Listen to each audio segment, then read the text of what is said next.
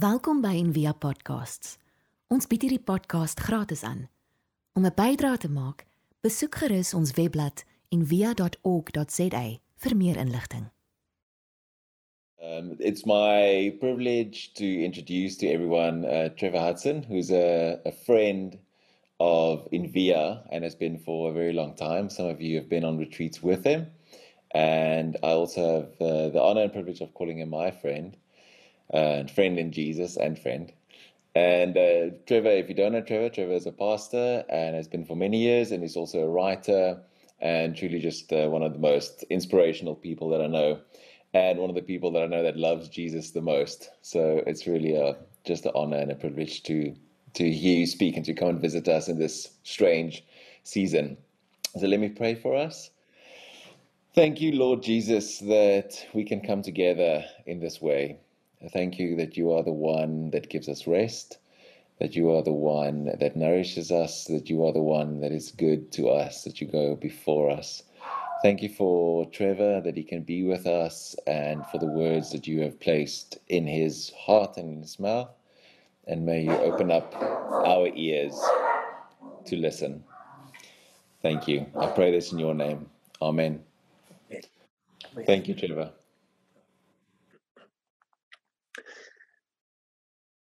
Now, thanks, uh, thanks, Pierre, for those words of welcome. Uh, they mean a lot. Um, thanks, Dion, uh, as well for for the worship. I really was deeply moved, and it was very special just to to to share in it with you all. And and greetings to the whole uh, to the whole Envia community. I, I have very warm memories of uh, times uh, spent together. And I'm grateful, deeply grateful uh, for our connection that we have over the years and the friendship that we share.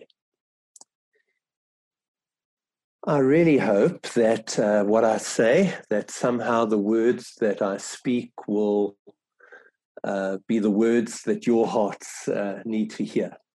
I was saying to a group of pastors the other day that it's really a case at the moment of the traumatized ministering to the traumatized. And um, so there's a sense in which I'm, I'm hoping even that the words I share with you will also be nourishment uh, for myself as well. I thought I could start by uh, sharing with you one of one of my many bad habits. Um, I drive a Polo, now, that isn't the bad habit. The, the bad habit is that when I'm driving um, and the kind of gauge begins to move down to, to empty, I kind of say to myself, I think I've got one more trip in this car before I fill up. And so I'll take another trip and come back home. Then I'll climb into the car again and uh, I look at the gauge, it's dangerously low. And I say to myself, you know, I think I've got one more one more trip uh, before I fill up uh, in this. And I'll do the one trip and I'll come back home and I'll park the car uh, in the driveway. And then Debbie, Debbie's the woman I'm married to, she will say to me, uh, Trevor, can I borrow your car, please? So I say, sure. Uh, the keys are in the kitchen. Uh, and I'll, I'll hear her uh, go pick up the keys, and uh, I hear her turn on the ignition and turn it off immediately. Uh, come back into the into the house, and she's not too happy at all. And she'll say to me these words, "Trevor, you're running on empty again."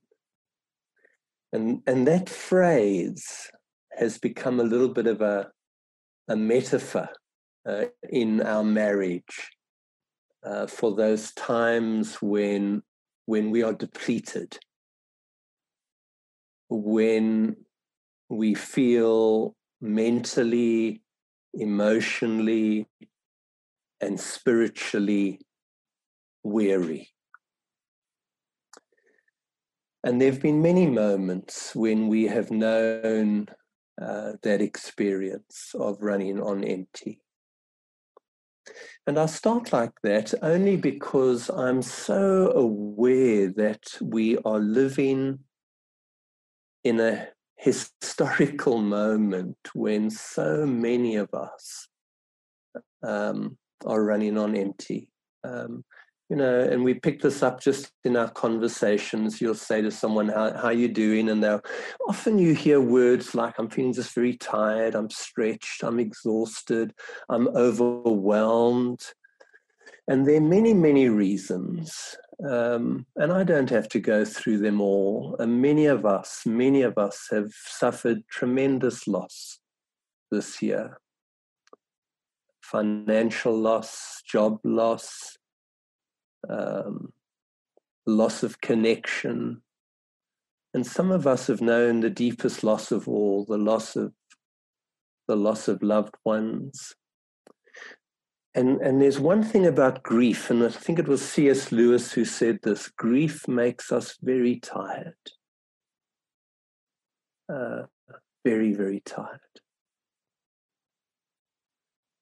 many of us, I think, have had our hopes and our dreams shattered for this year. We kind of entered, you know, 2020 and had dreams and hopes. Um, I bumped into a young woman the other day, and um, this was going to be the year she was going to get married, and uh, obviously it hasn't happened. Many of us have had hopes really, really shattered into a million, million little bits and pieces. Some of us have really felt the pain of being separated from loved ones that we would just love to hug and hold again. Uh, some of us are just tired of kind of multitasking. Again, thinking of a woman just two, what, two, three weeks ago, lives on her own, uh, has two children, and I say to her, "How you doing?" And she says, "You know, she's been homeschooling. She's been uh, looking after the kids. She's been keeping her job. She's been trying to keep fit. She's been trying to keep her flat clean. She's been doing the shopping. And these are her words. And I quote her I have got nothing more to give. So I wonder if I could ask you I, I don't know what's happening in your community right now. But I wonder if I could invite you to just look at your gauge. Um, you know, where is it? I wonder if perhaps as I share, there's someone there, someone listening, watching, saying, Trevor, I know exactly what you're talking about. And what I want to do, and I want to do this very, very simply, is against this backdrop, I want to extend an invitation. It's a very, very simple invitation. And it's one that we must never become too familiar with. And it's an invitation to follow Jesus into those practices by which he restored his energy.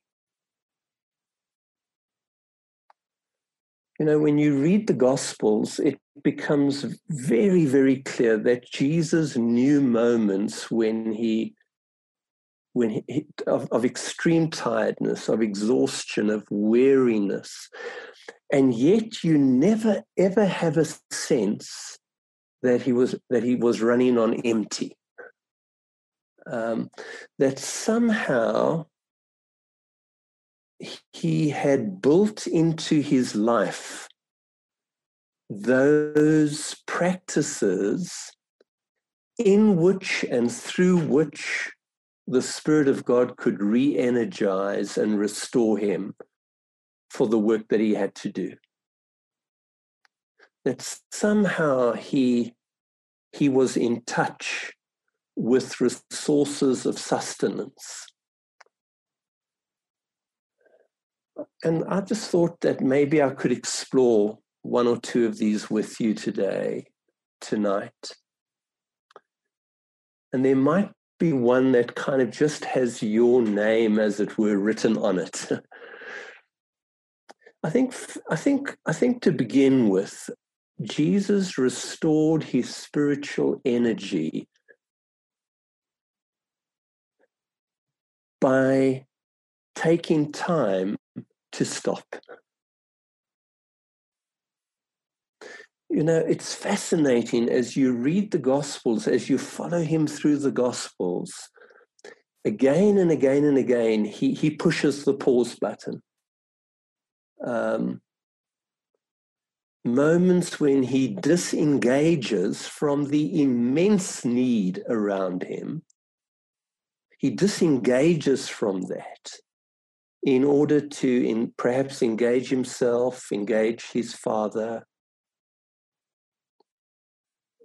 These were those moments when he when he kind of retreats in order to advance. These are those moments when he he kind of just hangs out with the Father, with Abba, in an unhurried, leisurely, chilled kind of way. I think we've lost the art of stopping. Somehow we've just lost the art of pushing that pause button. Um, I've got two kids, one's 36, other's 34, and often I'll say to them, How's it going? And they always just have one answer for me Dad, it's hectic. How's work hectic? How's the marriage hectic? How are relationships hectic? And it's like this, just this, it's just this um, non stopping way of life. can I perhaps begin to invite you again to recover this, this art of stopping? I always say, and I might have even shared it with you when I was on the retreat, the most scariest moment of my life was teaching my kids to drive. It, it gave me an imminent sense of eternity uh, getting into that car with them for the first time. But I can still remember saying to my daughter when she was 15, practicing in the car park, I said to her, Joni, the first thing you need to know about this car is how to stop it. I think that's what we've lost. We've just lost the art of stopping, just lost the art of stopping. Can I extend an invitation? It's a real invitation maybe just for just once this week, just once to carve out in your own hurried life some empty space. Maybe for an hour. Plan it. Maybe tonight you can sit if you if you live with loved ones, you can just actually plan it or help each other if you're in a family setting. You may want to go for a walk, you may want to find a place at home. And you may say to me, Trevor, what am I going to do for an hour without my phone, without the computer? And the first thing I think we can do is just nothing, just nothing. Maybe just a time to lay down things, we can pick them up again after the hour. Maybe it's a time heart to heart to just share what's going on inside of you with Abba.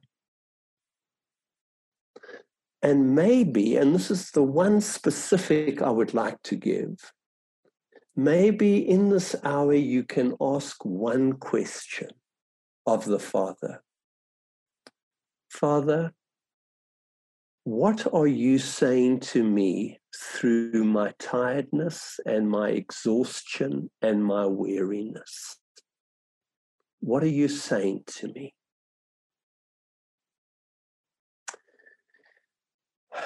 Let's go back to the gospel life of Jesus. You know, as you follow him around the gospels, have you noticed that he invested an incredible, incredible amount of time in what I'm going to call circles of friendship.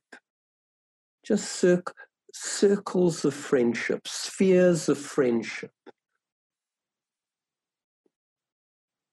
Just think, just think of them for a moment he had a very special relationship with his beloved disciple John. He had a very special relationship with Mary Magdalene. he had a he had a friendship circle with those three that he goes up the mountain peter james and john he's got another circle with the 12 he's got the, the that circle down in bethany uh, mary and martha and lazarus he's got that group of women who who are often with him and who stay with him at the cross when the men are nowhere to be seen.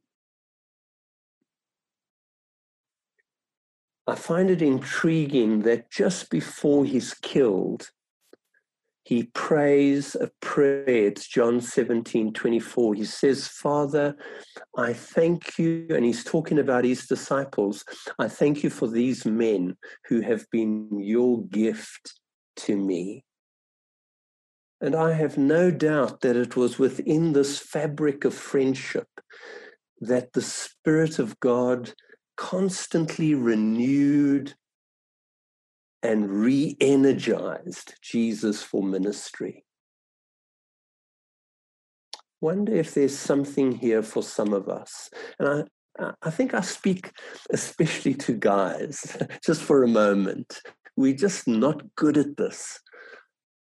Guy said to me the other day, Trevor, I've got stacks of colleagues, I've got uh, stacks of acquaintances, I do not have one three o'clock in the morning friend.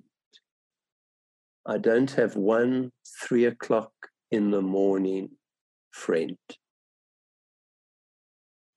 And maybe for us to begin to develop spheres or circles of friendship. And I think we begin with those closest to us. Uh, if we have an intimate partner, to to really begin there. I've I've been married 42 years. Uh, it's been a, a, journey of joy and struggle, conflict and challenge. Um, one thing I've learned is that when I'm deeply, deeply connected to Debbie, I can face the world. I can face the world. I, I, whatever the day throws at me, I can face. That somehow, if that intimate friendship is in place, if I'm disconnected, and there have been moments of very painful disconnection, it's amazing how tired I feel as I enter the day. And it's like just too much. I think sometimes we neglect friendship in our closest relationship. And then I think um, there's another sphere that all of us need, maybe just three or four folk that we, we journey with as kind of friends. Uh, Pierre was saying, friends, friends in Christ, friends in Jesus. Just people who know us as human beings very deeply, who affirm what is genuine in us, who, who, who keep us faith, who help us to stay faithful to, to what we understand is our call in life. I, I just would not be sitting here if, through the years, if I'd not had just three or four folk that really walk the walk with Christ with me. And I think in that group, it's very helpful to have someone who's about 10 years older, who's a who's kind of I've I've always found it helpful just to have someone who's about 10 years older than me that I respect, who's maybe suffered very deeply, who's, who's, who knows the complexities of life, who doesn't give me short, uh, easy answers, who, who doesn't have an agenda for my life, but whom I deeply respect and that I can hang out with. So at the moment, I'm looking for someone in their 80s who can teach me how to navigate uh, this season well uh, of my life. I, I, really need, I need. I, and then I think another circle is just buddies that we can just have fun with, watch rugby, have a braai, go wine tasting with. But it's within these, it's within this fabric of friendship that the Spirit of God uh, sustains us for life, re energizes us, uh, restores our soul, so that maybe we can, like Jesus, also say, Father, thank you so much for these, for these women and for these men who've been your gift to me. Can I say one more thing and then I'll stop? I think I look at Jesus' life. Jesus restored restored his spiritual energy by by participating, by sharing in the joy of his Father. You know, you read the Gospels, Jesus was an incredibly joyful person, uh, incredibly joyful. His first miracle in Cana, water into wine. Some of you were wishing he was around in lockdown for you. In, it was a miracle of joy. Children loved to be with him he loved hanging out with at, at, at, at weddings and celebrations and parties and, and festivals. He delighted in creation. Birds of the air, um, you know, just he delighted in the world about him, drew his parables from, from, the, from creation. And it wasn't a joy that was dependent on everything going well. Uh, Jesus knew heartache, he knew heartbreak, he had challenges, he had Christ. It was a joy that wrapped its arms around the heartache and the heartbreak. And Jesus, near the end of his life, John 15, in one of those most beautiful verses in, in the Gospels, he says, I've taught you all these things so that my joy, my joy, my joy may be in you and your joy complete. And again, I think we need to grasp this, really hear this. Joy is a source of energy. Um, Nehemiah, the, the joy of the Lord is my strength. Joy gives energy. Joy is our first line of, of defense against burnout, against weariness, against exhaustion, against bitterness and resentment. It's our first line of defense. Joy puts color and texture and richness into life. And you may say to me, Trevor, I hear you, I hear you, but how does the kind of joy of Jesus rub off on me? and I want to speak carefully here. I think, on the one hand, I think we can ask for it. I really do. I can, you know, I've been an overly serious person most of my life. And my children would often say to me, Dad, lighten up. And for about 10 years now, almost almost every day, I'll say to Jesus, Jesus, will you give me your joy today?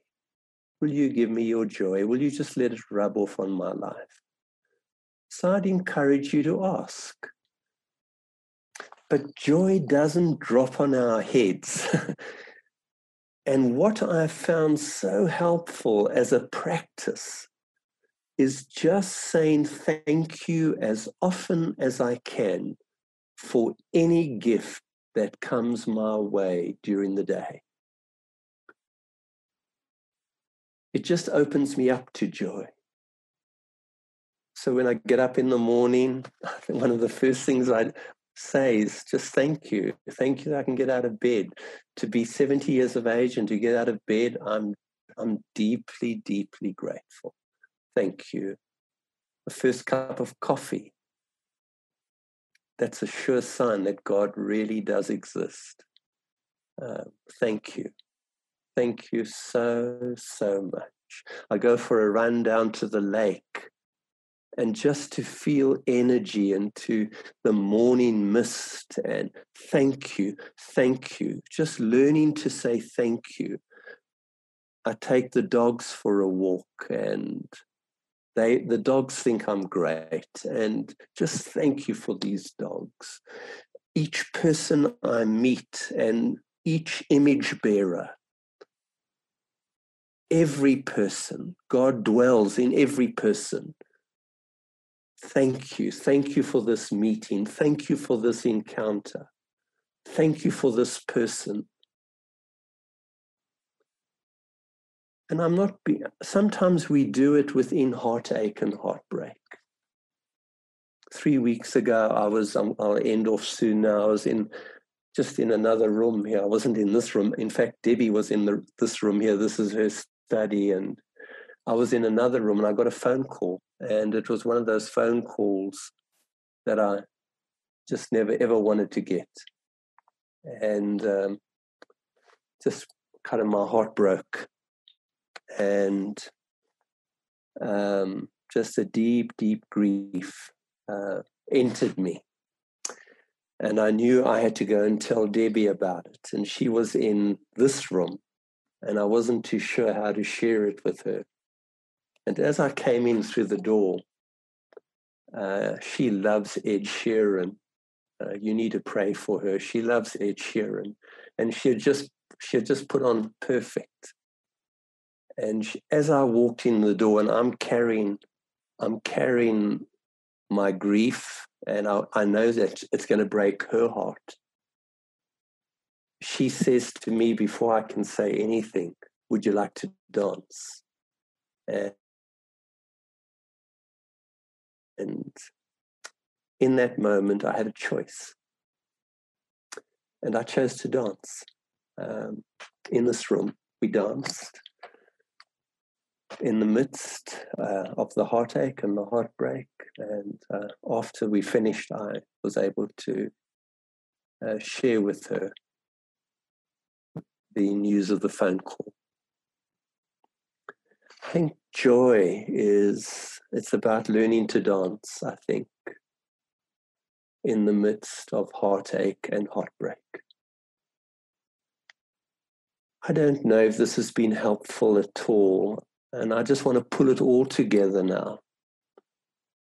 In the midst of our tiredness and our weariness and our exhaustion,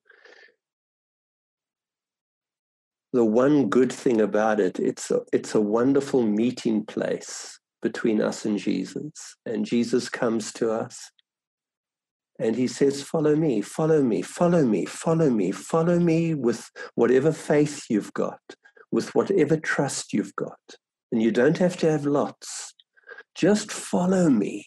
Follow me into those practices by which I sustained and restored my own soul Follow me into the practice of stopping, into the cultivation of circles of friendship, into, into the practice of joy. Follow me, follow me. And as we follow, the amazing thing is that Jesus is not only our example, and as we follow him, he steps out of the Gospels and he becomes our, our living companion and friend and master and Lord. And that ultimately is what it's all about. Amen. Perhaps I can pray just very simply. Jesus, we thank you that you're not only our example, uh, you are that, but you're so much more than that. That you live beyond crucifixion, and that your presence fills this universe and is closer now to each one of us than we are to ourselves. And so we come to you in our tiredness and weariness, exhaustion. And we want to hear you say to us in a new way tonight follow me, follow me, follow me. And so, Lord, we want to learn how to follow you. And as we follow you, Lord, we ask that we may know your living friendship and your living companionship. And this is our prayer that we offer to you with all the love and all the longing of our hearts. Amen. Amen. Amen. Thank you so much. Thank you so much, Trevor, for that, for sharing the love in such a simple and honest and beautiful way. I just love, always love the stories about you and Debbie. It's so, they're so great and so good. just resonate so deeply with that. Um, jy kan jou hande uitsteek, dan sal ek vir ons 'n seën uitspreek net om ons dag, om ons Sondag mee af te af te sluit. Mag jy stop. Mag Jesus jou tot rus te bring en mag hy vir jou rus gee. Mag jy diep vriendskappe vind, mentors vind, mense wat jou inspireer vind, vriende wat saam met jou kan lag en kuier en huil. Mag jy hulle vind en mag jy vreugde vind. Mag jy in dankbaarheid lewe en mag die vreugde van die Here jou vul elke dag van jou lewe. In die naam van die Vader, die Seun en die Heilige Gees. Gaan in vrede. Amen.